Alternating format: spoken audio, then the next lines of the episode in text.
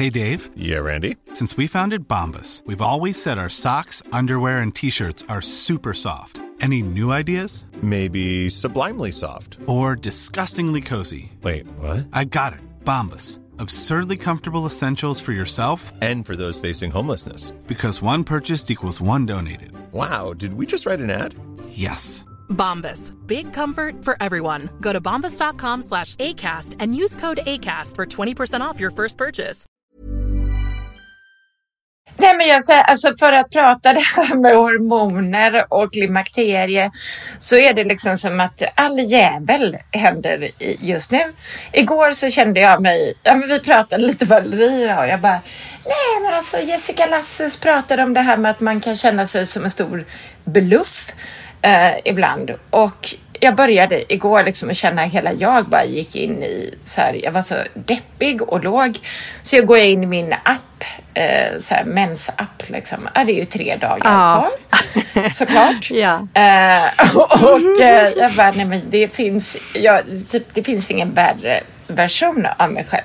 Nej. Sen i natt så vaknade Lilian. Hon vaknar ju alltid kommer över till vår säng. Men jag brukar ändå kunna somna om. Men 2.30 då bara, nej, eh, kan inte somna om. Och då går jag, gör jag misstaget att jag går in eh, på min telefon Nej. och ser en följare som har skrivit en så här, ja men fruktansvärd kommentar om vilken icke-moral och ett, ja, Nej men oj. jag har som har delat, eh, delat en film på Wilhelm när han ligger och sover men jag skrev att han var sjuk. Eh, och då eh, skriver hon en lång kommentar om hur jag använder mina barn för att få likes och uppmärksamhet och att det inte finns någon inre kompass. Åh, den mitt i natten. Och ni vet, jag bara- Herregud. 2.30 så att eh, någonstans runt halv fem, fem så somnade jag om igen. Nej men gud hjälp. alltså.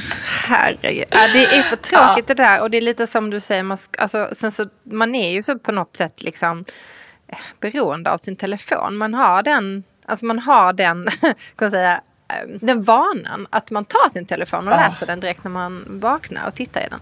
Och, och det är Ja, ju på gott är och ont för oss som är lite mer offentliga personer kanske är så. Därför att folk kan ju skriva till oss lite vad de känner för. Ehm, Mm. Och det kanske inte alltid det faller så väl ut om man säger så. Um, är man ska vara lite, lite, lite snäll. Nej, alltså det kan ju, det där är ju inte, det var fel tidpunkt, fel person vid fel Ja. tidpunkt. Ja. Helt klart. Och eh, Ja. jag har eh, liksom en väldigt positiv eh, stämning hos mig. Så att det är väldigt Ja, sällan exakt. jag behöver Fattar. hantera sånt överhuvudtaget. Så därför så blir det ju så här, varför läser jag det klockan 2.30? Det var absolut Det det var man fel. absolut inte skulle läsa klockan 2.30. Nej. Ehm, Nej. Vi snackar eh, dagsform just nu med Hannas Änglar är väl så vi har lärt känna dig på Instagram. Jag känner dig också som personen som, eller inte bara jag. Ehm, alla som följer dig känner också dig som personen som älskar att måla. Ehm, men Hanna, du är ju mycket mer än så. Ehm, du är bland annat utbildad sjuksköterska. Du är inte rädd för att eh, prata om livets både eh, toppar och dalar. Du är en kvinnokämpe, tycker jag, eh, och många som följer dig också. Kan inte du också, liksom, det finns ju mycket som vi inte vet, för du pratar ju mycket inredning och mycket sånt på ditt Insta. Eh, men berätta mer, var kommer du ifrån? Vad, gör, vad, vad får dig att eh, ticka igång? Åh gud, vad får mig att ticka igång? Ja, Mycket. Eh, nej men helt klart, eh, helt klart eh, det här du pratade om, kvinnosaksfrågorna. Eh, vår plats här. Eh, jag älskar allt inom, när jag läste till sjuksköterska, så allt inom vården som är kvinnorelaterat. Jag hade en helt fantastisk lärare när jag läste mm, till min sjuksköterskeutbildning som satte mig mer eller mindre till kvinnoklinikens alla placeringar genom våran eh, praktik. Grymt. Hon visste hur jag verkligen brann för de här frågorna. Så jag fick liksom en ganska nischad utbildning fastän det skulle vara bred. Eh, och det märktes även liksom med mina resultat på de här gynekolog... skrivningarna vi hade så var det lätt att acea det för jag kunde liksom inte lägga ner boken. Så att för mig så finns det fortfarande tror jag en ganska stor eh, och stark vilja att någon dag eh, ta upp det i mitt yrke igen. Och jag vet inte riktigt på vilket sätt. Men, eh, men eh, tanken från början när jag började läsa till sjuksköterska var ju att jag ville läsa till barnmorska och jobba med förlossningsrädsla. Just det. Men det var ju när jag var 30 och nu så har man, nu börjar jag ju närma mig 50 istället. Vad hände på vägen? Du blev en, du blev en, en målande influencer. Ja, Hur blev det, hur blev det så?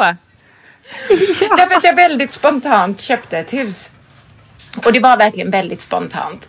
Eh, Det var under min utbildning och då hade vi verkligen inte en tanke på att köpa hus. Jag pluggade, vi hade bara en inkomst. Men så satt jag hemma och skrev en uppsats tillsammans med en tjej. Och så säger hon så här, men vet du vad, mina föräldrar säljer sitt hus. Och ska du inte titta på det på Hemnet? Och det var lite så här, Villa Villekulla, lite gulligt. Och, och så visade jag det för Micke på kvällen och han bara, men ja, för jag hade varit helt emot hus. Han ville flytta till hus på sikt och jag var så här, nej, man kan bo i stan med barn och det är inga problem och sådär. Eh, men så vi åkte vi ut och tittade på det här huset och så köpte vi det. Utan att ha Det är så coolt. Alltså, och det kunde man göra på den tiden. Alltså det känns ju helt sjukt att Ja. tänka så. Idag skulle man ju aldrig kunna välja ett hus på det sättet. Så jäkligt Nej bra men alltså gjort. det var, det var ju också så här att ingen, ingen ville ha det. hade ju velat köpa det. Nej, men alltså det är ju Perfekt så läge. att tänka. Det är ju liksom, Ja, det... det- hus har ju verkligen blivit helt fantastiskt och mycket på grund av din och Mickes insats såklart. Liksom. Men det, det hade ju väldigt spännande förutsättningar måste jag säga. Ändå. Alltså, Men får jag fråga också Ja. då, apropå det, hade ni, hade Ja. ni redan den här, för det är, ju- alltså följer man eh, dig och er familj så är det väldigt tydligt att ni båda är sjukt händiga och du har ett öga för det här liksom och så. Var ni, visste ni att ni var Ja. det redan innan ni köpte huset eller kom, har ni lärt, lärt upp er själva så att säga i takt med huset? Helt klart så har vi växt i takt med huset. Mm, intressant. Absolut. Jag målade väl lite redan innan och jag har alltid haft ett väldigt stort estetiskt intresse. Mm. Det vet jag att Valerie och jag har pratat om många gånger. Att jag, liksom, jag ser allting i bilder. Mm, Eh, precis, just och- det. och liksom- Vi har samma vision där. Ja. Ja, verkligen. Och jag tycker precis som du, jag vill ha det vackert omkring mig. Fast om jag tittar på hur det ser ut bakom dig nu så är det ju väldigt vackert. Men om du, om jag bara vrider datorn lite här så är det inte väldigt vackert hos Nej oss. men det är samma här. Det- det är samma här. Men grunden är bra. Det finns... Grunden är bra. Får jag bara flika jag in att jag på. har blurrat min bakgrund på zoomfönstret för att jag inte ens vill, vill visa hur det ser ut här i Italien. Jag gillar den här tavlan som du har där bakom dig nu. Ja, den är jag hemsk. tycka att den känns lite så hemtrevlig varje gång du, vi rings upp här. Eh, men ja. Ja. ja. Förlåt, fortsätt. Nej men helt klart eh, Hanna har du ju ett estetiskt öga. Och liksom, man kan väl ha, alltså det är också en sån här grej, jag tror, nu ska jag bara flika in med saker som jag har tänkt på som många säger till mig. Jag tror att Hanna du är likadan. Jag tror att många tänker så här att man Alltså en, est, så här, en estetisk person, att man bara har just det intresset. Man kan ju faktiskt ha väldigt många olika intressen. Ehm, Så är det så att, Ja, så jag tror att liksom, och någonstans det här med som sjuksköterska och jobba med människor, det är ju ändå, det är ju ett kreativt jobb också. För att du måste ju Absolut. behandla människor både liksom eh, ja, fysiskt och psykiskt. Ehm, Och sen tror jag också, nu flikar jag in om du pratar om just mötet med människor i, vården och mötena som vi har med våra eh, liksom i vårt community med våra följare. Eh, det, är- det är ju också väldigt likt. Kan jag ja, tycka. på Det många sätt är det verkligen det. Vi Ja, det- delar nu jobbar ju- inte jag som sjuksköterska men kan tänka mig definitivt att det är likt liksom, på många sätt. Ja, men jag vet ju att ni också får DM så man, liksom, man delar så väldigt mycket. Och speciellt om man pratar om, om sådana här frågor som rör liksom, där man befinner sig i livet. Det kan vara barn, det kan vara eh, ja, men det här som vi har varit och touchat på med förklimakterie och klimakterie, hur vi förändras. Då blir ju samtalen mycket djupare än om jag bara skulle lägga upp vad jag äter till lunch. Liksom. Så att där finns ju definitivt en, en eh, connection kan jag tycka mellan det här. Att man just mötet. Men om man tittar på om vi var händiga innan, om jag går tillbaks till det. Ja. så, så var vi inte det. Utan eh, vi- har växt, absolut växt med huset. Och jag tror att vi... I början var jag livrädd för allting. Jag trodde vi hade fått husbock hela tiden. Husbock och hussvamp, vad jag än såg. Så jag bara, det här kan vara Ja men det är ju en husbock. mardröm att få är. husbock. Ja. För er som inte vet vad det är då så är det Ja, jag vet inte. Nej, åh, det, åh, vad glad det. Men den heter... Kommer du väcka något till liv här hos mig? Men det var inte ett trähus. Det var, Jo, den jo vi har allt. trä i grunden faktiskt. Det har vi. Ah, Vi har du ser, du kan och få puts. Oh my god. Det lät ju inte Oh alls my bra. god. Oh my god. Jag Den äter liksom på upp om du tänker den- mina barn känner jag. Vad? Oh my god. Ja. Den Hur- äter liksom innanmätet så man ser inte förrän Oh. man typ knackar på en balk så bara faller det ut pulver. Ja. Men i vilka fall som Det helst, vi hade så mycket bra. sån här... eh, Nej, det låter inte bra. Det är inte bra. Det inte få låter husbock. inte bra. Eh, Men i alla fall, vi, vi eh, hade hantverkare här i början. Men sen så blev det en... För vi byggde ut 100 kvadrat. Och i slutet av den utbyggnaden, eller byggnationsperioden, så började liksom räkningarna bara hopa sig. Och det blev så Ja. mycket dyrare än vad vi hade tänkt. Och då blev det liksom så här, nej men vi måste ju göra klart det här själva. Just det. Eh, Jag och när vi väl satte igång med det så insåg vi att nej, men det var ju inte så svårt. Nej. Det är ju inte det. När Nej. man bara, nej. Nej. men faktiskt, Nej, men det är faktiskt. inte det. Jag håller med. Eh. Alltså, fakt- jag, jag kan känna likadant ibland. Mm. Men jag tror också det handlar mycket om tid för en själv då. Att det blir så Mm. påfrestande kanske. För man måste lägga det lite utanför arbetstid och så. Ehm, vi som, eh, ja, de som då inte är entreprenörer som vi kanske kan göra. Men det är också en grej som jag tror Ja. att vår generation har blivit lite bortskämda i. För att vi har, eh, nu pratar jag ju generellt, det är naturligtvis så att inte hela liksom, Sverige har det så. Men om man ser till våra föräldrar så gjorde de ju allting själva, alltid. Liksom. Eh, det renoverades ju ständigt hemma hos oss, men det tog också sin tid. Liksom, man tog ett rum i taget och det fick ta sin tid. Så här. Eh, vi så, liksom, har blivit lite bortskämda i att kanske tjäna lite mer än vad våra föräldrar gjorde. Och har liksom i alla fall hittills innan ekonomiska krascher och allt sånt, haft råd att kunna anlita och kunna renovera som galningar. Eh, nu snackar jag, snackar jag kanske lite Stockholms innerstads eh, liksom syndromet. Ehm, och har liksom inte lärt Ja. oss. Vi har, liksom, vi har kunnat anlita någon, eh, via någon app så har vi kunnat anlita någon som kommer hem och sätter upp gardiner eller sätter upp en hylla eller en tavla. Så vi har liksom inte Alltså, så då har vi blivit, jag känner igen mig i det här som du säger, lite rädslan över att bara sätta upp en tavla liksom. För att man, oh shit, spika, spika i väggen, det känns liksom helt livsfarligt. Så det kan jag också känna som en så här feministisk gärning att liksom lära min Ja. dotter att så här, ja, spika, snickra, göra de här grejerna som, som jag egentligen har lärt mig av mina föräldrar. Eh, men man har kommit ifrån det för att man har blivit, vi har liksom lärt oss att man kan, vi kan bara anlita någon för det. Vi kan anlita någon att eh, laga mat och skicka hem den med bud eh, via någon foodora app eller vi kan, alltså så här, vi har ju fått en sån en sån livssituation där det har, liksom, vi kan bara appar allting. Eh, så att Ja. jag så, blir så glad av, att, av, av ditt konto just Hanna för att du visar på att ah, okej, det visst det tar lite tid. Och det är klart att du gör ju det, det är ditt jobb nu. Så att visst man, som Valerie är inne på, eh, liksom, vi som inte har det som jobb att liksom eh, bygga och måla och så. Det är klart att man får göra det då utanför arbetstid. Men du visar, ni visar ändå på att man kan. Det är inte så jävla svårt. Det är bara liksom sätta penseln i, i, i burken och köra liksom. Och vad är det värsta som kan hända? Okej, vi får måla en gång till då om det blev lite fel kulör. Ja. Fasen det nu var. Ehm, Jag älskar det också. Jag håller med dig. Man känner att man faktiskt kan själv också. Det, det är Ja. precis det jag också känner jag kollar på ditt eh, konto, Hanna. Det är Så himla roligt. Men det är så, så och jag, det, det här brinner jag jättemycket för. Jag går igång helt otroligt när du säger det här. Det feministiska perspektivet. Därför att det är jätteviktigt för mig. När jag gör det här så vill inte jag, eh, som du säger, jag har ju tre tjejer själv och en kille. Jag vill att de alla ska se att vi eh, kvinnor kan exakt lika mycket som män.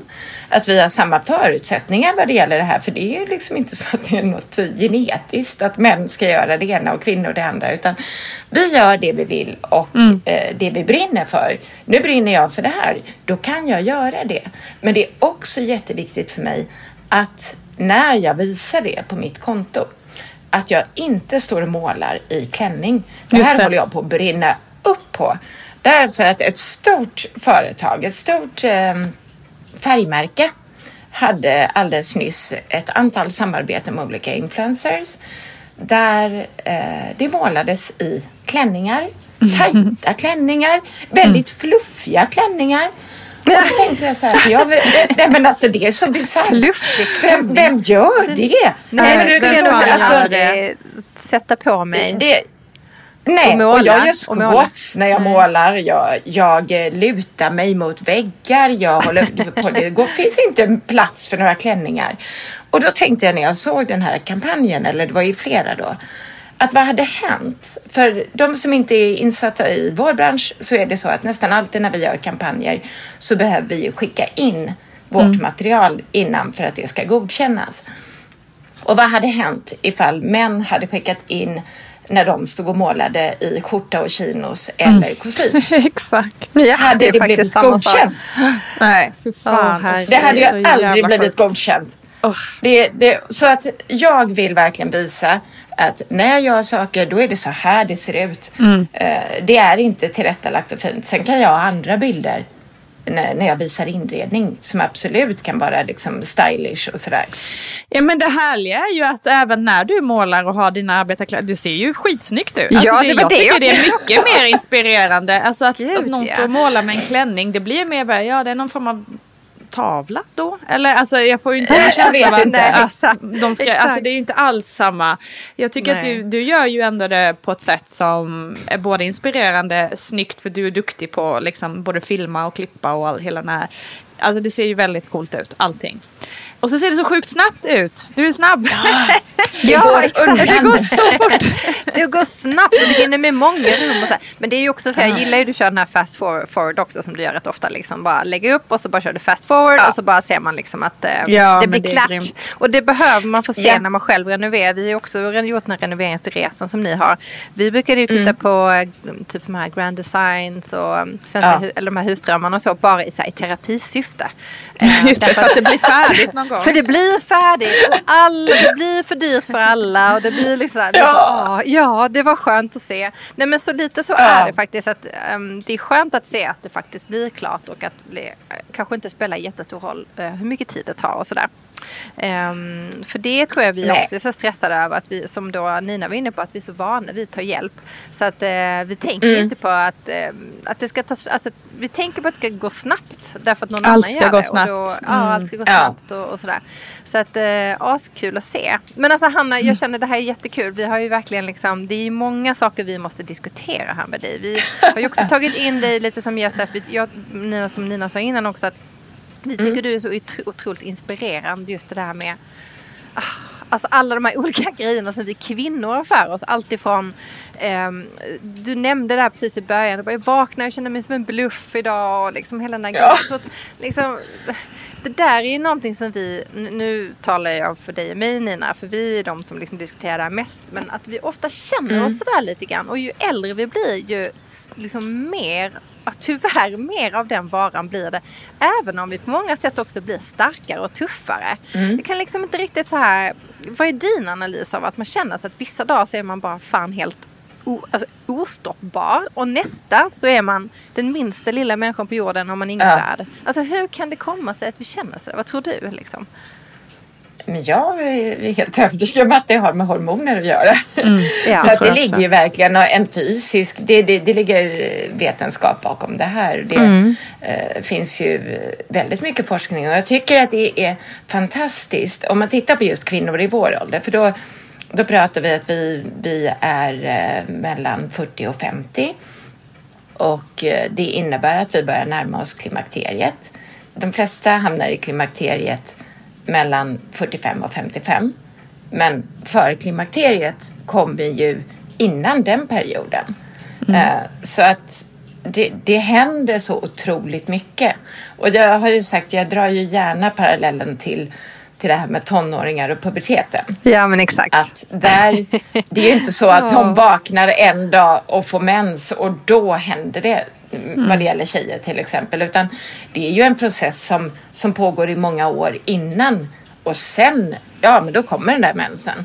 Och för oss så är det istället att nu ska mensen avslutas och fasas ut och då tar det lång tid eh, för många. Eh, och sen så hamnar den också, jag vet ju hur du har haft det Nina, att den mm. kom tidigare för dig.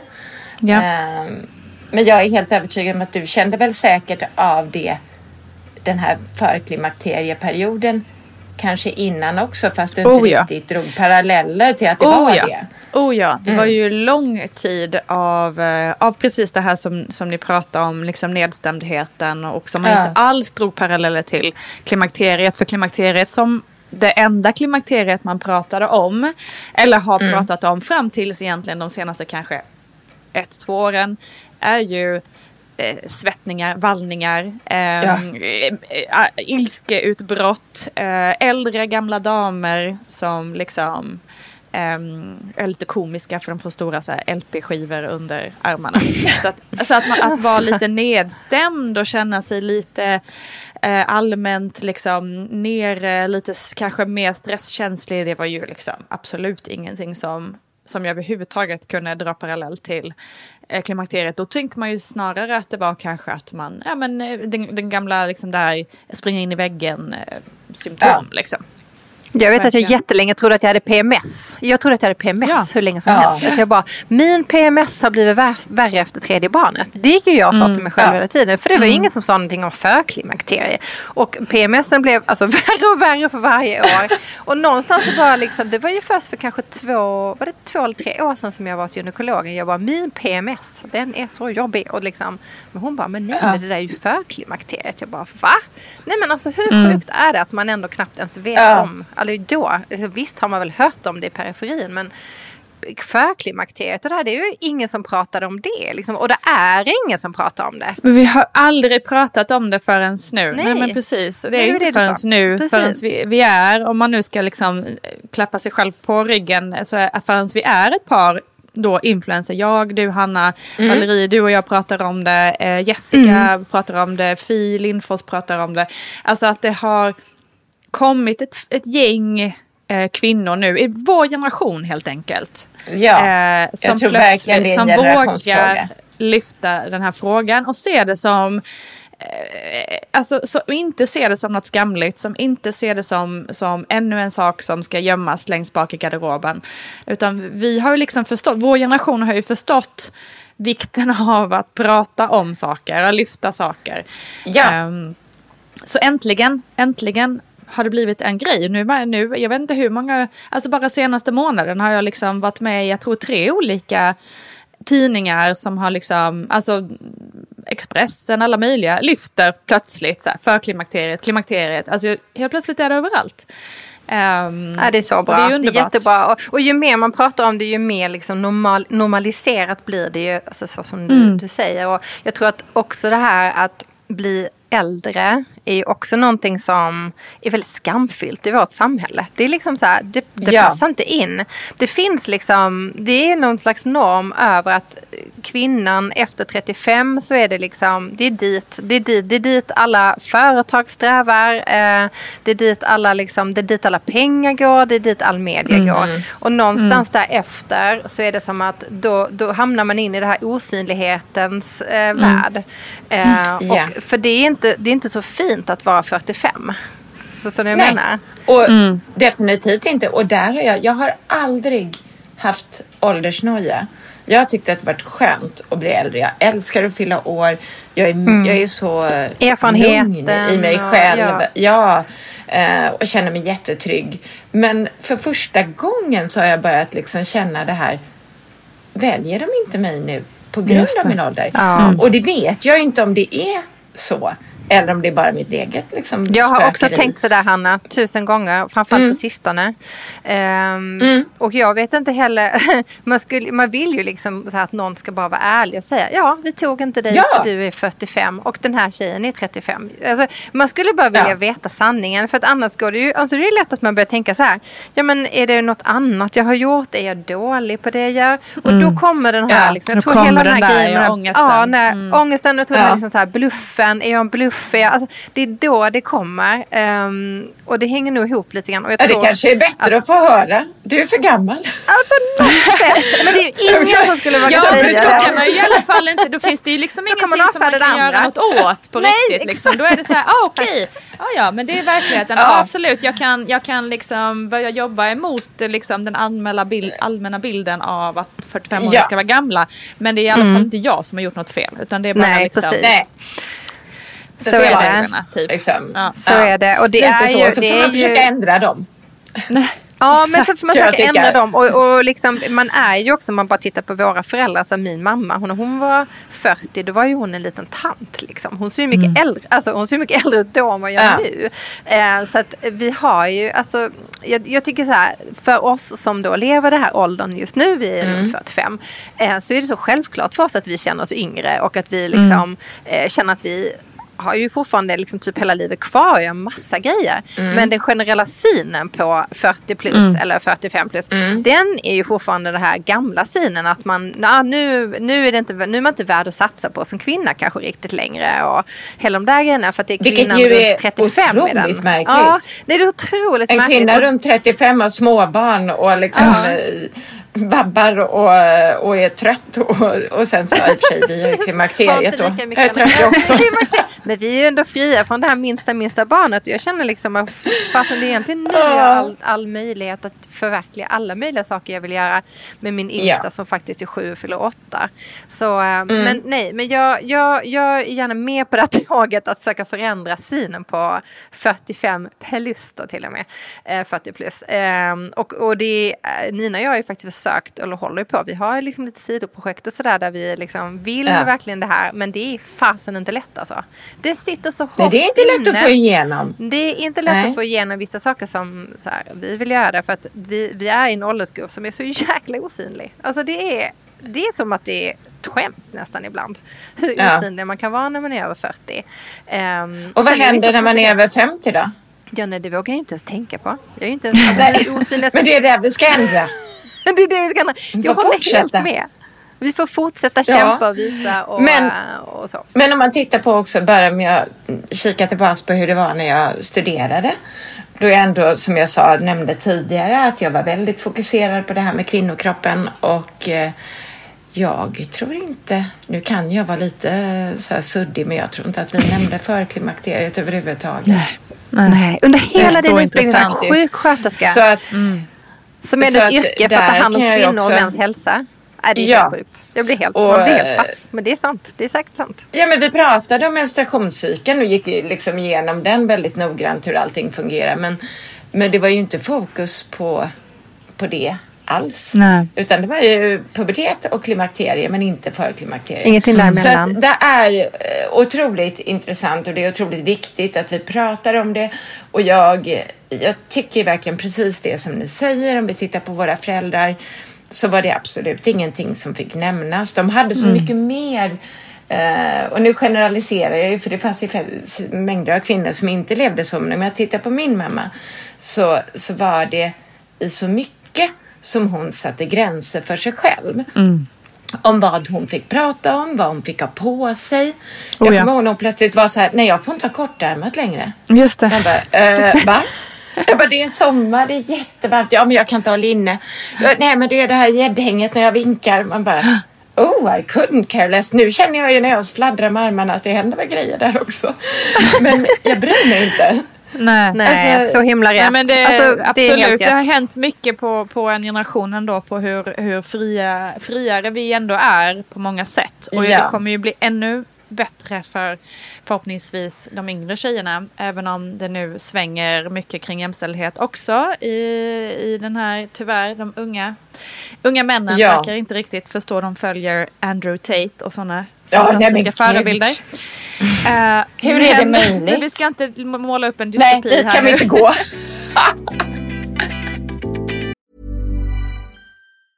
I'm Sandra, and I'm just the professional your small business was looking for. But you didn't hire me because you didn't use LinkedIn jobs. LinkedIn has professionals you can't find anywhere else, including those who aren't actively looking for a new job but might be open to the perfect role, like me. In a given month, over 70% of LinkedIn users don't visit other leading job sites. So if you're not looking on LinkedIn, you'll miss out on great candidates like Sandra. Start hiring professionals like a professional. Post your free job on linkedin.com/people today. Everyone knows therapy is great for solving problems, but getting therapy has its own problems too, like finding the right therapist, fitting into their schedule, and of course, the cost. Well, BetterHelp can solve those problems. It's totally online and built around your schedule. It's surprisingly affordable too.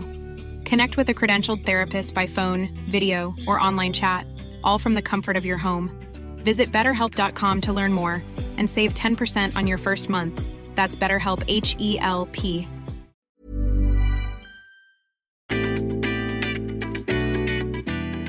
Men du Hanna, jag skulle vilja höra lite, för jag tänker också apropå det du sa också med eh, sj- sjuksköterskeutbildning, att då är det ju inte heller så konstigt att allmänläkare, när kvinnor kommer till allmänläkare med de här diff- diffusa symptomen av nedstämdhet, eh, s- låg stresströskel, minnesproblematik, allt det där, att man då får eh, antidepp utskrivet istället för att kolla hormonnivåerna. Eh, det är inte, spe- alltså, då, det finns ju inte kunskapen egentligen. Nej, och jag...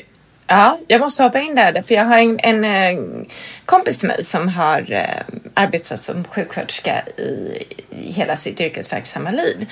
Hon pluggade mycket tidigare än vad jag gjorde, så att hon har lång erfarenhet. Och när jag i, i vintras runt jul så kände jag så här att nej, jag måste göra en liten förändring i min kost.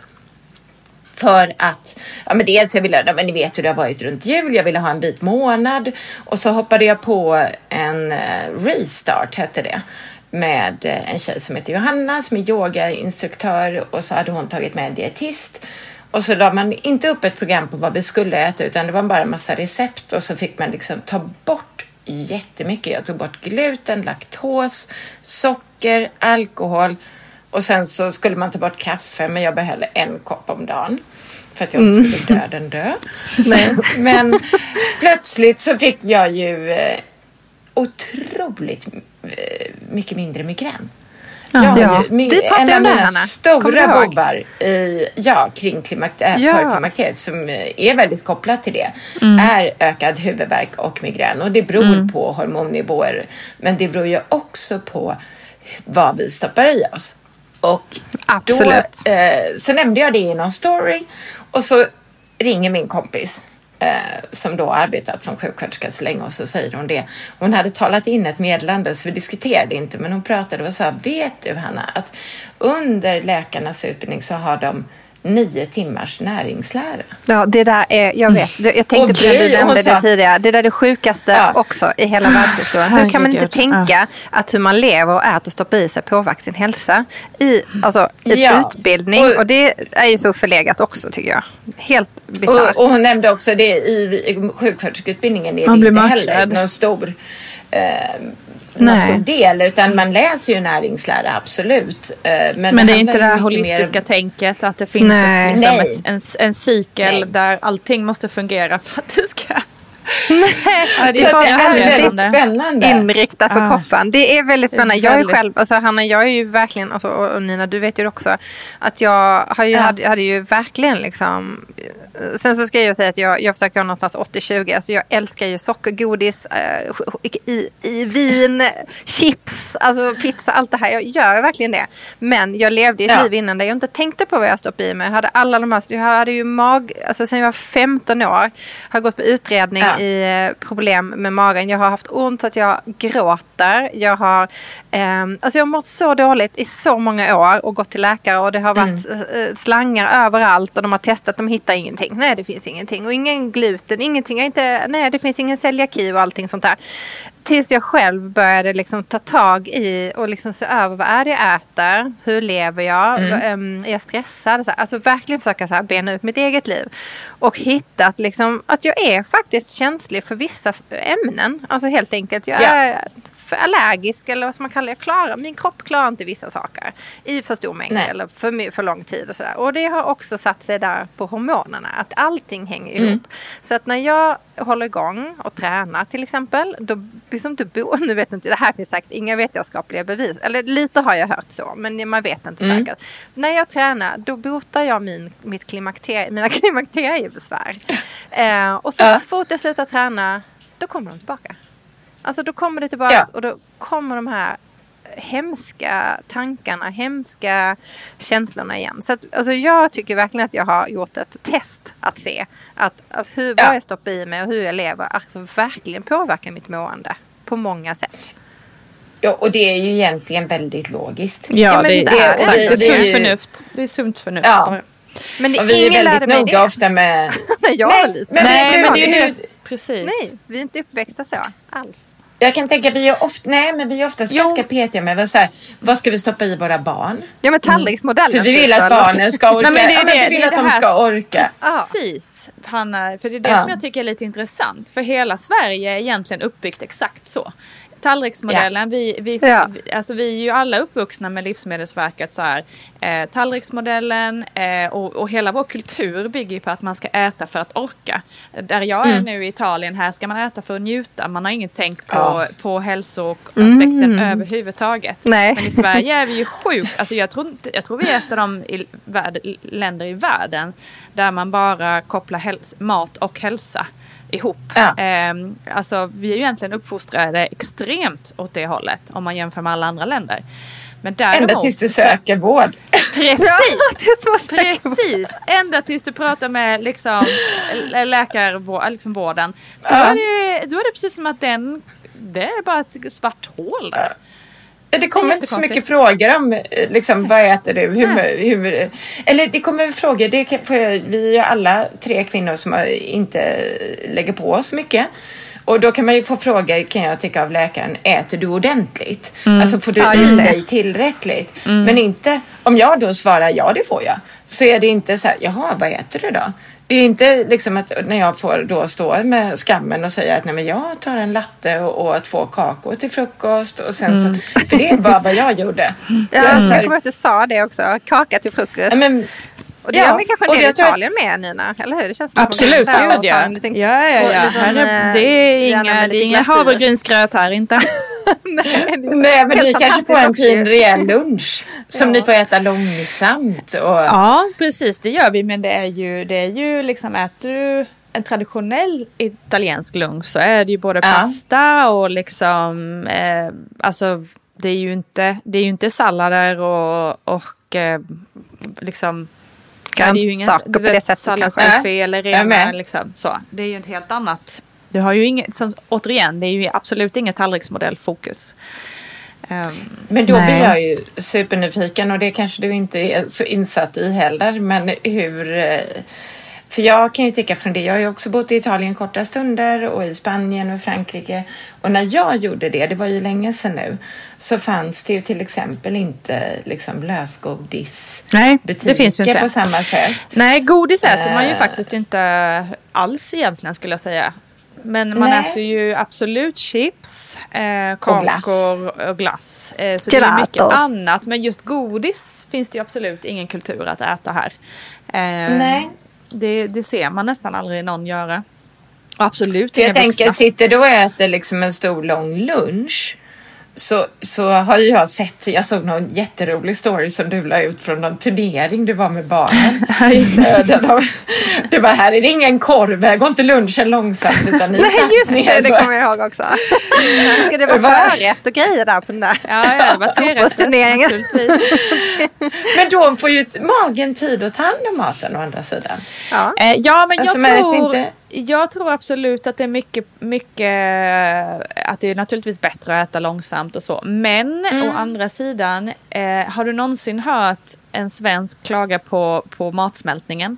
Eh, det, varenda Nej. italienare, varenda italienare, åh jag har problem med tarmarna och matsmältningen, åh det är så jobbigt med magen. Det, ja, det hänger alltså, ihop. Alla, det hänger, det är liksom, det, alltså det första att när jag träffade min man, han klagade, oh matsmältning, jag bara vad pratar du om? Vi äter precis lika mycket, vad är ditt problem? Liksom, du är en stor man, äter en pizza, vad är problemet?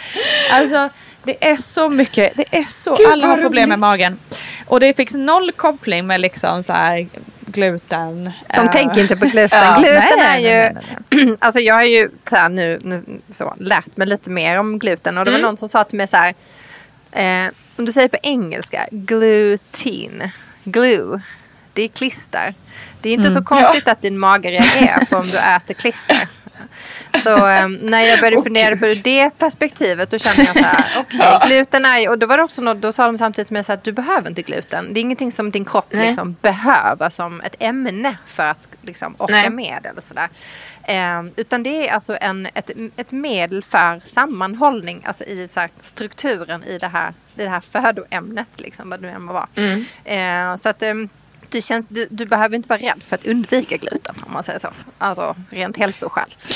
Men det är också väldigt roligt för, för jag då som aldrig har, jag har liksom inga allergier eller eh, väldigt liksom en, en mage som verkar tåla typ eh, att äta stål, jag vet inte. Nej men jag har, jag har verkligen aldrig några problem med magen. Så jag Nej. äter ju gladeligen pasta och pizza och socker och allt möjligt. Men, ja. mm. men det är då rätt komiskt att vara svensken i den här italienska byn. som är den enda som bara hovar i sig pasta och inte får några digestionproblem. problem. Men alltså, du behöver inte ta din lilla Exakt, efteråt för att smälta. För att klara maten. Nej, det är komiskt. Nina, Men, så det krävs ähm, en viking för att klara de här exakt, gluten, glutenvanorna. Italienska tallriksmodellen. Ja. Men du Hanna, kan inte du bara lite, ja. vi hoppar lite mellan ämnen här, men kan ja, du lite bara berätta mer om din liksom resa här i förklimakteriet och hur, hur liksom mm. började du upptäcka problematiken och hur har du upplevt det? Har du fått någon hjälp? Eh, vi börjar med hur jag började upptäcka det och det var mm. eh, att jag började sova dåligt. Mm. Det var mitt första tecken som jag tänkte på. Eh, sen skulle jag nog säga att oro och ångest har nog blivit, jag, precis som Valerie sa, så tänkte jag bara att oj, vad min PMS blev jobbig. Mm. Som jag inte har upplevt den som innan. Uh, och, så det var väl lite så. Och sen så har vi, vi skaffade ju vårt fjärde barn eh, när vi var ganska gamla. Så att när hon då började vakna på nätterna så kunde inte jag somna om. Och med de andra barnen har jag bara liksom så här, ja, kom över till sängen eller de ligger i sängen och det är inga problem, jag sover vidare. Men med Lilian så var det så där, hon har sovit jättebra, men runt som i natt då 2.30 så vill, ropar hon på mig. Jag går och hämtar henne och det är stört omöjligt för mig att somna mm. om. Och det är så mycket tankar eh, och jag utvecklade ju då lite olika strategier för hur jag skulle klara det här, för man måste ju sova. Eh, för det är ju en ond cirkel. Förklimakteriet och klimakteriet ger dålig sömn och det kan vara olika eh, orsaker. Det kan också vara att man blir väldigt varm, som du pratade om i början, men det kan också vara det här att man har svårt med eh, ångest och oro. Så jag insåg att jag kunde inte ligga kvar i sängen. Förlåt, får jag bara flika in snabbt? För det är också ja. så här intressant just med symptomen. För jag hade, har aldrig haft problem med att somna. Inte ens liksom under den här perioden av förklimakterie. Så det är också Nej. så här att symptomen är så olika. Så att man, man, det jag menar bara att man lyssnar, precis, jag menar bara att man har ja. lyssnat och tänker okej, okay, men jag, jag sover ju bra. Så ja, men exakt. Det behöver ju inte betyda att, att det är... Nej, ja, och det var bara en inflik. Men det var helt ja. bra Nina att du sa det, för jag vill också bara säga det här, för att jag hade ju problem under lång tid att jag vaknade, och jag är fortfarande, med att jag kunde vakna så extremt tidigt. Alltså sex på morgonen, mm. fast jag la mig tolv. Mm. Och då tänkte jag inte heller, alltså gud vad man är korkad alltså. Nej men jag tänkte inte ja. heller att det där kunde vara förklimakterie, för jag tänkte... Nej men det är inte korkat, vi har ju aldrig fått veta nej. det här ju. Nej men nej. jag tänkte så här, men fast nej svårt att sova måste du men, men mena att man har svårt att somna på kvällen. Så tänkte jag liksom. Men Eller, det, Sånt, det var det, alltså, Absolut det, var det jag tänkte. Men, och sen då när jag vaknar tidigt och börjar prata med folk så säger de, men gud det där är jag också. Det där, nej men det är klimakteriet, det är Ja. förklimakteriet. Så jag bara, jaha, vad är det? Nej, alltså. Nej, men det är ja. nog som du säger, att tänker man om sömnsvårigheter så är det ju just insomning många tänker. Och man behöver insomningstabletter. Ja. Just det. Eh, och så är det absolut inte. Jag somnar som en stock på kvällen. jag har Ja. inga problem. Men, eh, men jag vaknar på natten och då har jag väldigt stressade och ångestfyllda tankar. Ja, Eh, de kommer där. Och det kan vara liksom, jag vet. Ja, och, det, och det, där är vi ju verkligen inte ensamma. Men det blev så tydligt för mig att det var någonting som hände och som ändrades där. Mm. Eh, och det var ju då jag skaffade mig klimakteriefåtöljen. Och jag Jag vill älskar berätta den. mer om det. Det, det har ni berättat om ja. Men du går upp och sätter dig den då. Ja. Är det en sån här, jag ser framför mig Hanna att det är någon sån här fluffig variant hemma hos dig. Eh, Jag sitter med ju i väldigt, den väldigt mycket nu. filtar Den och så. är- Ja, titta Titta, det. Eh, Det är Det kan ju vara att jag har sett din plädar Instagram också. Ja men precis, det är en stor fårskinnsfåtölj inklusive fotpall framför en braskamin. Oj, oj, oj. Eh, och ja, det är så göttigt det bara kan bli liksom. Jag hör det. Eh, För alla som inte har braskamin var- kan jag tipsa om eh, elfilten eller värmefilten. Den Ja, har räddat den har ju min det, för det är värme. Japp, en riktig om man nu inte har vallningar då. Ja, just det. Du får liksom blanda den Det är lite. jobbigt. Då blir Då det får man öppna ett fönster. Det kanske går att kyla Men, ner den eh, Men vadå, så du gick och satte dig i den på mitt i natten eller hur funkade det? Ja, därför då bytte jag plats. Jag kunde liksom inte ligga kvar i sängen för då var det de där tankarna helt. Så jag bytte plats och tanken att jag just ville ha en klimakteriefåtölj var för att jag ville hylla den här perioden i mitt liv. Wow! För att, Gud vad fin! Love this. Ja. Verkligen. Därför om Ja. du tänker när ni skaffade era första, liksom första barnet kom. Så var det så här, åh man ska ha en amningsfåtölj och det ska vara så Ja. vackert och där ska man sitta och det ska vara, man ska göra det så bekvämt för kvinnan som möjligt. Och Ja, då var man värd det. Då var man värd det, för då var Ja. man ung och fin och hade fått barn och skulle liksom ge mat tid. till det här barnet. En vacker Ja. tid. Är det lika vacker tid nu Hanna då? Det det är det, du Det försöker är göra. det! Det är så Det är vackert. bra. Jag har, jag har en sån här, nu ser, där ligger den på bordet där borta. En sån här ögonmask. Mhm. Eh, som i lite sån här slimmigt tyg, höll jag på att säga. Silke, lite vacker. så den sätter jag på mig. Så att inte, för det kan ju vara så att på sommaren är det ju tokljust här i glasverandan. Så sätter jag på mig den. Och så sätter jag på den, eller tänder en brasa, lägger på filten. Och så gärna sätter jag på en ljudbok. För att distrahera Ja, mig. men underbart. Så, Jättebra. Jättebra som en tips. saga. Och så, Så jag. himla, alltså fantastiskt. Det här är ju, gud det här, skulle, det här skulle ju vara ledordet för alla. För det är också, Ja. jag tycker också att det är så intressant. I Japan kallar man ju klimakteriet för en ny vår. Eh, och det är också så här, vi måste kunna vända narrativet på Ja. klimakteriet. För vi, har ju, vi är Ja. ju uppvuxna med den här tanten i någon amerikansk sitcom som uh, svettas och kast, skriker och är rolig Ja. tant liksom. Eh, Eller arg och Ja, jävlig. ja. men exakt. Ja men precis men det är meningen att man ska skratta åt tanten. Ja, hon är Som är humoristisk. så tokig och liksom Ja. galen tant liksom. Eh, Vi måste ju ändra det till det här. Precis Ja. det här som du berättar. Att liksom om, omvård, ta hand om dig själv, ge dig själv stunden. Hitta en plats där du kan ändra fokus och ta hand Alltså verkligen omtanke om Ja. själv. Så är det. Och hylla den Så här bra. tiden. Ja, jag tror det har jag någonstans att det kan jag hålla på många år. på. Så då, Nej men det ska du göra. Ja, det Därför jag att, som sagt, det kan hålla på länge. Och då vill man ju liksom må bra. Så bra man bara kan. alltså, in, så himla kul att du säger det. För jag tänker så här, i, i alla år har jag, alltså, när jag var yngre, när jag, vi, Mm. vi har varit inne på det och pratat om det tidigare, hur man på något sätt tid, när man var yngre och när man tränat, det blev nästan som att man straffade sig själv ibland i den här träningen. Men ibland, alltså, Mm. och men nu, alltså senaste kanske ja, fem åren då säger vi, eh, och har liksom kommit krypande. När jag tränar nu, då känner jag, det är liksom en gåva till mig själv. Och att man har liksom, för det är också en, en annan sak, att liksom någonting som tidigare kunde vara liksom väldigt pressat för mig att jag var tvungen att träna. Inte för att jag ville kanske alltid träna. Utan jag kände mig pressad att göra det. För man skulle leva upp till ett ideal. Ja, skulle leva upp till Ja. något. Liksom, nu handlar det så, alltså, bara i princip såklart vill jag må bra i min mage och allt det här. Men att liksom mota den här för, det här förklimakteriet. Som, så det är en present till mig själv. Varje gång jag ger mig ut och liksom, om jag går eller småjoggar eller vad jag än gör. Liksom, tränar och rör på mig. Det är också min gåva till mig själv. Eh, då Ja. eh, ser det som något fint. Eh, Mm. faktiskt. Nu när du sa det så kommer jag tänka på det här också faktiskt. Att man kan tänka så. Det är skönt. Man ska ha alla såna Ja, här men också det här. Färdigt för sig själv. Man ska liksom kan ge sig. Komma ihåg det.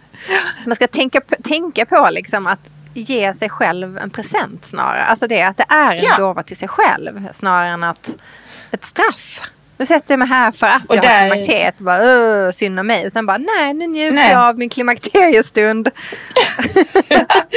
I min klimakteriestol eller du är ute och liksom joggar i, Ja, vid vägen. Ni andra, jag, jag ja lyssnade ut på er med Huddingeleden där. Jättemysigt.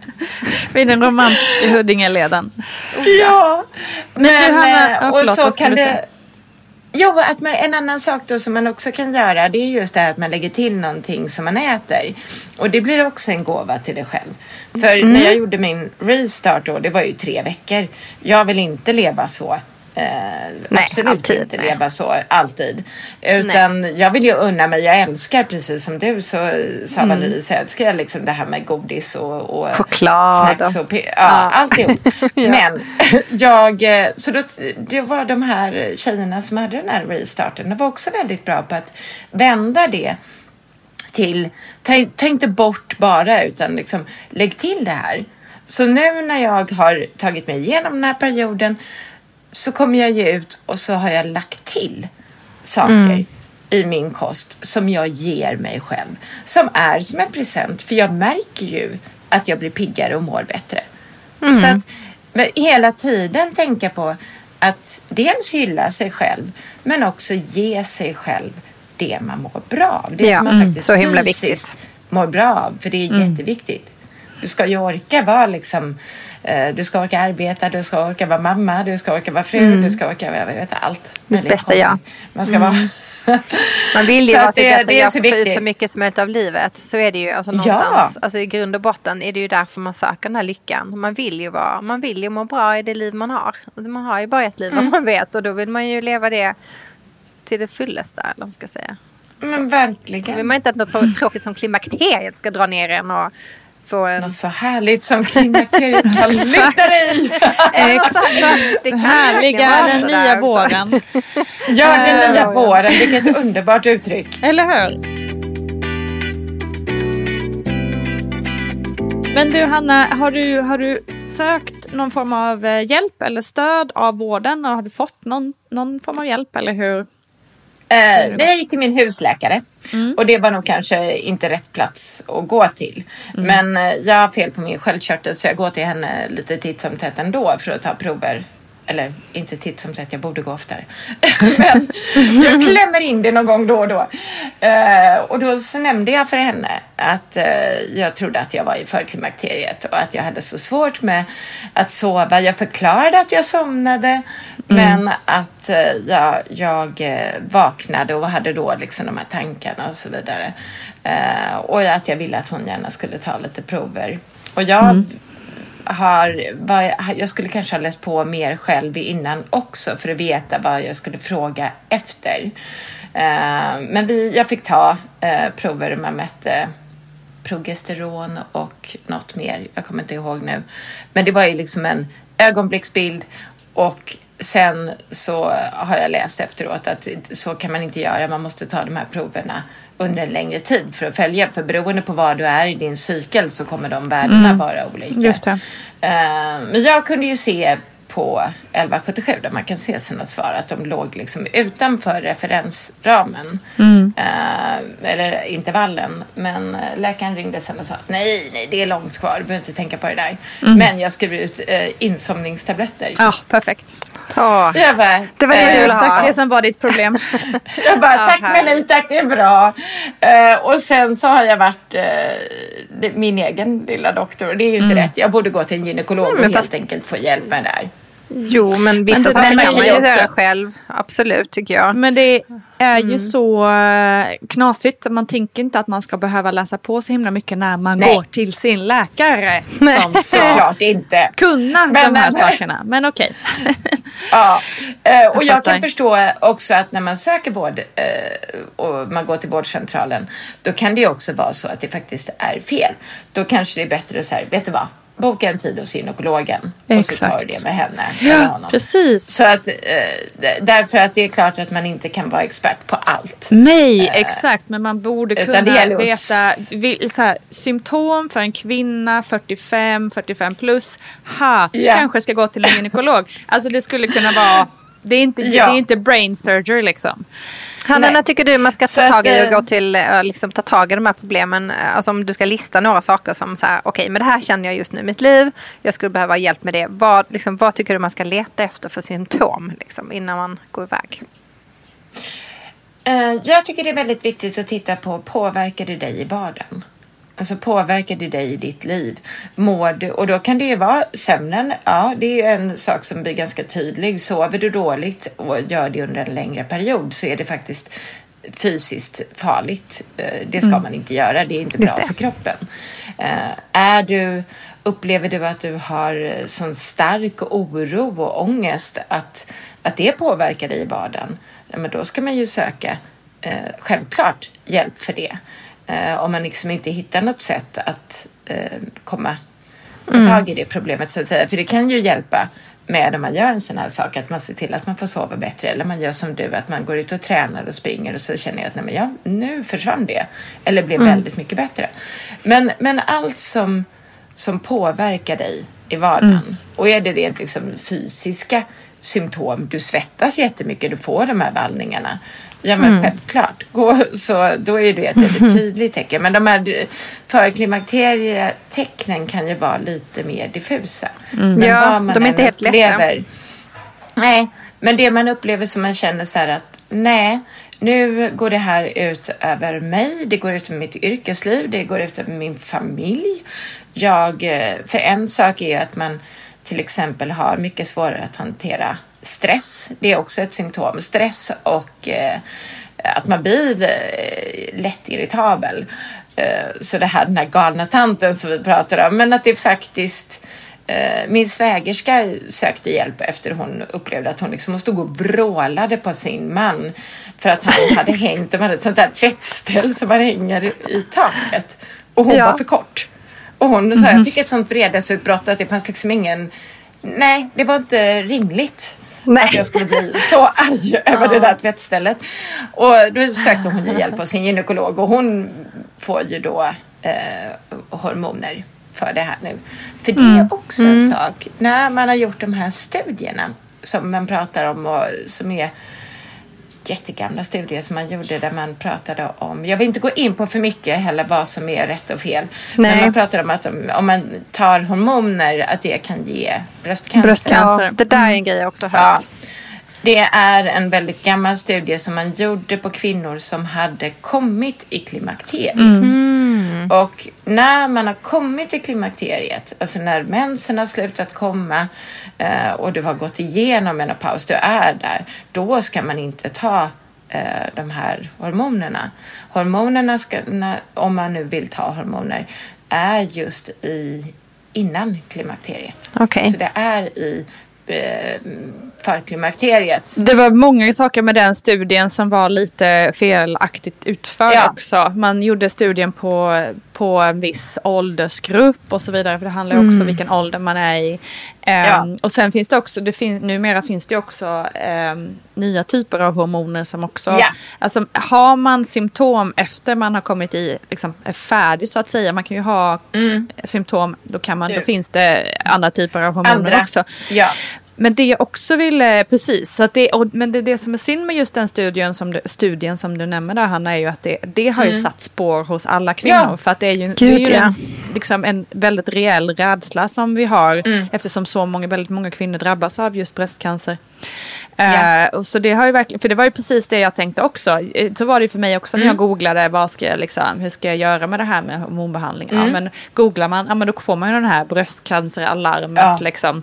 Kastat i ansiktet. Så då är det ju helt omöjligt också för en, en, liksom en lekman, en lekkvinna att okej, eh, bröstcancer å ena sidan, eh, hjärt-kärlsjukdomar å andra sidan. Alltså så här, hur ska man kunna välja P- pest eller kolera? Nej, Ehm, och hur lätt är det att sätta dig själv och ditt, ditt psykiska välmående först? Exakt, exakt. Precis. Och jag skulle också vilja flika in den, för du nämnde ju också så här att n- när man får symptom som drabbar en själv men också ens jobb eller ens barn eller ens partner. Eh, för mig var det verkligen så här, det var ju inte förrän mina symptom drabbade min partner eh, och mina barn till viss del. Fast det drabbade inte dem så mycket för att jag kämpade mig igenom. För det, är det som vi kvinnor också gör. Ja. Jag mådde dåligt själv internt i många, många år, men det drabbade ingen annan. Sen, Nej. och det drabbar absolut inte jobbet, för vi är ju liksom pliktskyldigaste, pliktskyldigaste personerna som finns på denna jord. Och det drabbar absolut inte mina barn, för liksom, jag, energin höll, höll sig liksom. Jag klarade, jag Ja. klarade den, jag klarade jobbet, jag klarade barnen, jag klarade ditt, ditt, ditt, ditt. Men min man fick ju liksom ta skiten för jag, där orkade jag inte bara. Det är bara så här, jag orkar inte. Du får bara, du vet. Så det var inte förrän han bara så här, men du jag undrar om inte du är deprimerad liksom. Och det blev ju först bara, du är dum i huvudet, fan kan du säga så till mig? Bla, bla, bla. Exakt. Men sen började ju den tanken liksom så här få fäste då för att han verkligen så här markerade att bara undra hur du mår egentligen.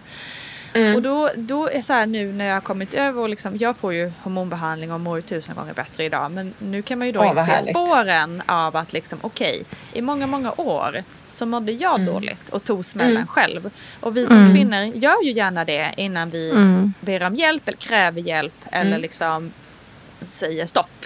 För att vi, Ja. Vi är så pass bra och så pass starka att vi klarar oss väldigt länge innan, innan vi springer in i väggen eller vad det nu kan vara. För vi ber ju sällan om hjälp eller vi, liksom, vi ska vara den starka kvinnan på något vis. Eh, så där vill jag också sätta upp en sån liten flagg att även om det inte drabbar någon annan, även om det inte drabbar din man eller jobb eller barn, att mår du inte bra, känner du dig inte lycklig, och det, det är klart att man inte gör varje dag, men liksom om det är en lång period av att känna tomhet, gråhet, nedstämdhet, energilöshet, liksom Ja.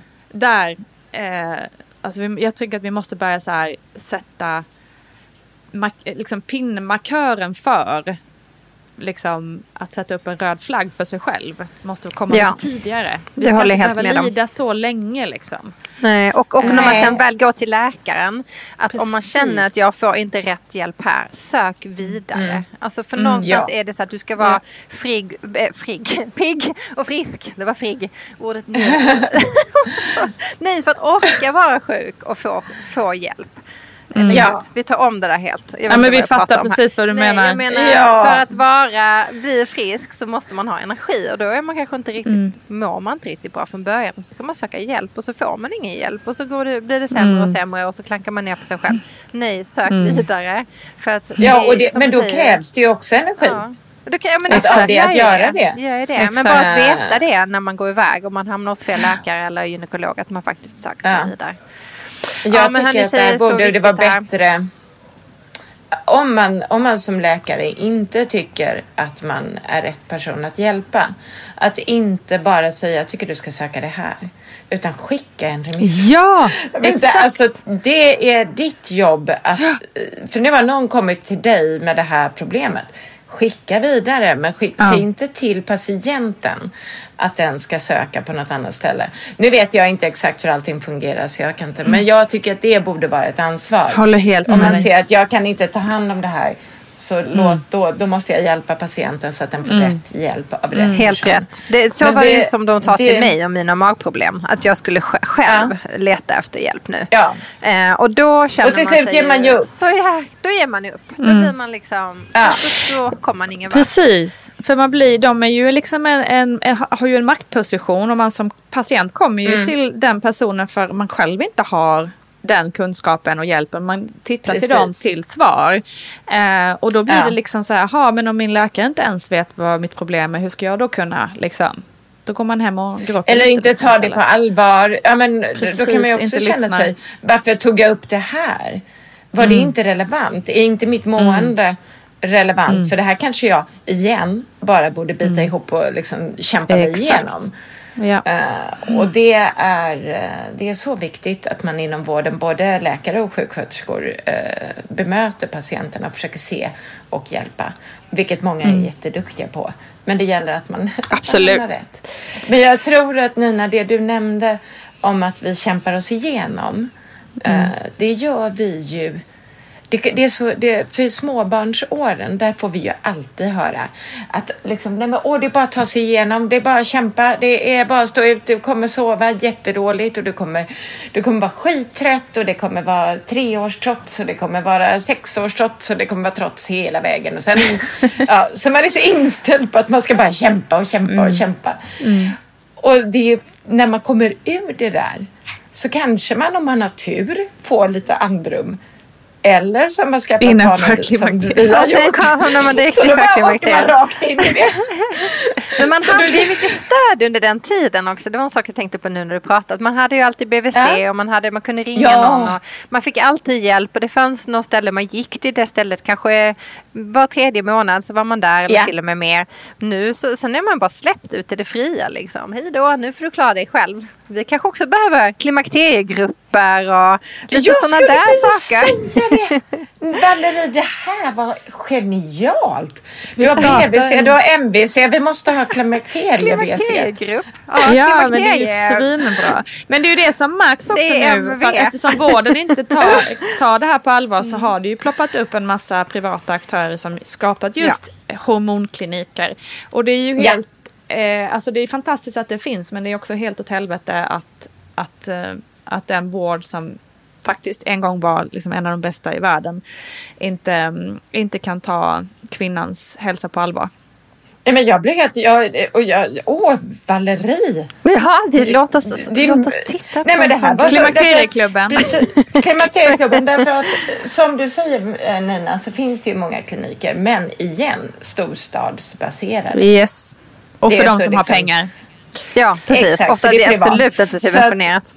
Så in med oss i, i den här snurran igen. Skaffa Yes. oss en liten, en liten ställe att gå till. Exakt. Ja, det är inte dumt Ja, alls. klimakterieklubben med massa klimakteriefåtöljer. Eh, Ja.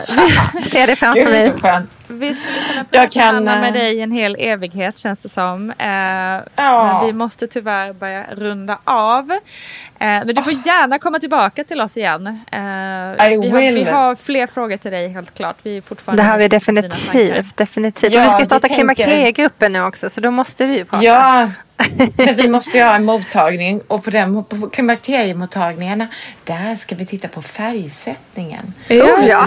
Bra, för det är en annan. Alltså kan vi liksom knyta ihop det här med måleriet. Jag ska perfekta klimakteriekliniker. Vi, eftersom vi alla kan bygga så hjälps vi åt och bygger den här klim, eh, klimakteriekliniken. KK, kli- klimakteriekompisar. Jag tycker det här låter som ett helt bra. fantastiskt bra spår. Och jag ser fram emot Yes. att vi ska prata med dig igen någon gång snart här fram, framöver Hanna. Ja, Och, det har varit eh, hur, underbart Nina? att få vara med. Jättekul Verkligen. att ha dig här Hanna och ha en Tusen tack, fantastisk Hanna. dag nu i snökaoset som är här i Stockholm just nu. Ja, och eh, idag Ja. när vi pratar är det faktiskt 8 mars dessutom. Så upp till kamp, eh, alla Yes. kvinnor där ute. Eh, tusen tack för att ni har lyssnat allihopa. Vi hörs snart igen. Ha det bäst. Hej då! Hej då! Hej, hej.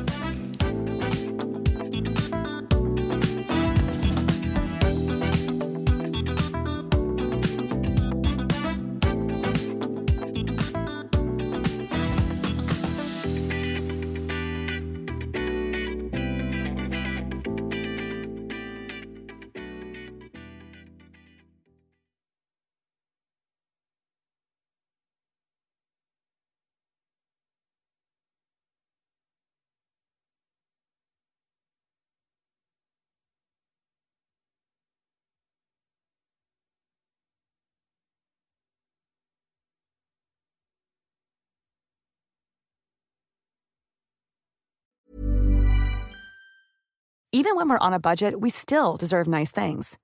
Quince is a place to scoop up stunning high-end goods for 50 to 80% less than similar brands.